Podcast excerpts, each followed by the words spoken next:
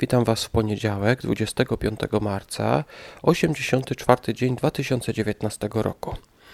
I zapraszam do wysłuchania kilku moich komentarzy.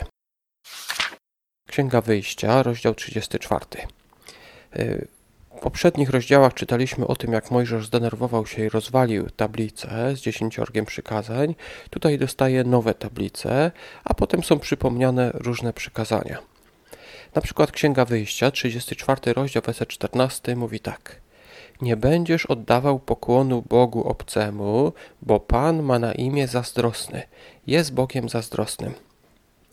Czasami zazdrość kojarzy nam się z taką negatywną cechą, ale o co tutaj chodzi? Bóg przypomina pocielcu, któremu Izraelici oddawali cześć, że jest zazdrosny i nie będzie tolerować innych bogów obok siebie.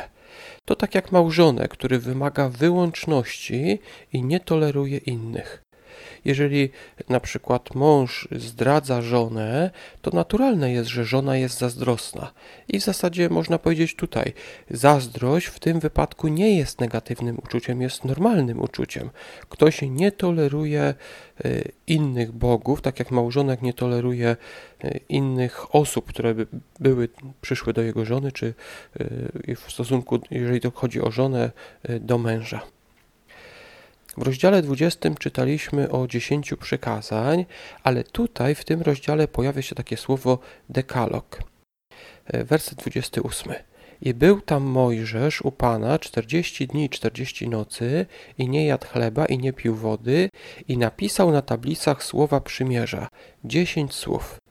Dekalog to dosłownie, dekalog to jest jedno słowo dla nas, ale to są w zasadzie dwa połączone słowa i to dosłownie oznacza dziesięć słów. Ezdrasza, rozdział 5.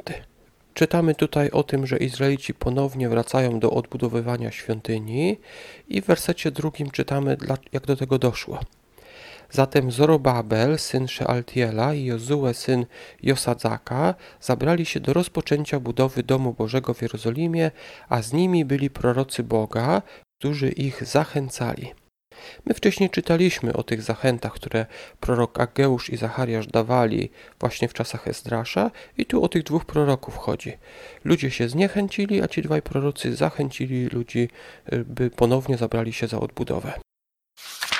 Mateusza, rozdział trzeci.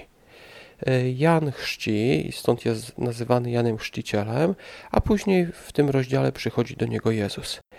Y, Jan był prawdopodobnie kuzynem Jezusa.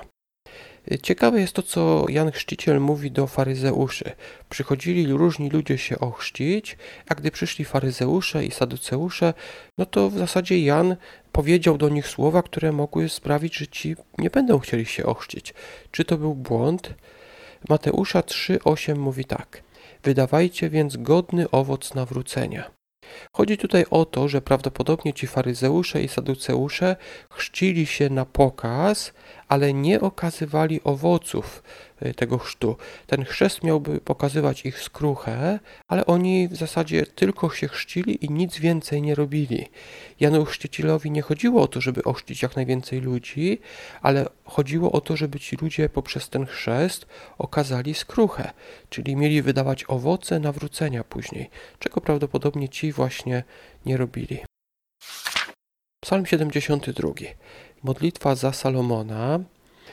I tu może wspomnijmy chwilę o tym, jak jest podzielona Księga Psalmów. Została ona złożona prawdopodobnie w czasach Ezdrasza, tradycja żydowska mówi właśnie, że to Ezdrasz złożył Księgę Psalmów. Składa się ona z kilku części i stąd właśnie jest to, że niektóre psalmy, przykład psalm 14 i 53 są bardzo podobne, być może nawet to jest ten sam psalm, Psalmy zostały zebrane w paru księgach, na przykład ten psalm występował w dwóch, a dopiero w czasach Ezdrasza te księgi połączono w jedną księgę psalmów, czyli księgę psalmów, którą my dzisiaj mamy. I tutaj właśnie w psalmie 72 jest, w ostatnim wersecie mamy słowa, które wskazują, że tutaj jest koniec jednej księgi. Jest to właśnie ta druga księga wchodząca w, w część księgi psalmów.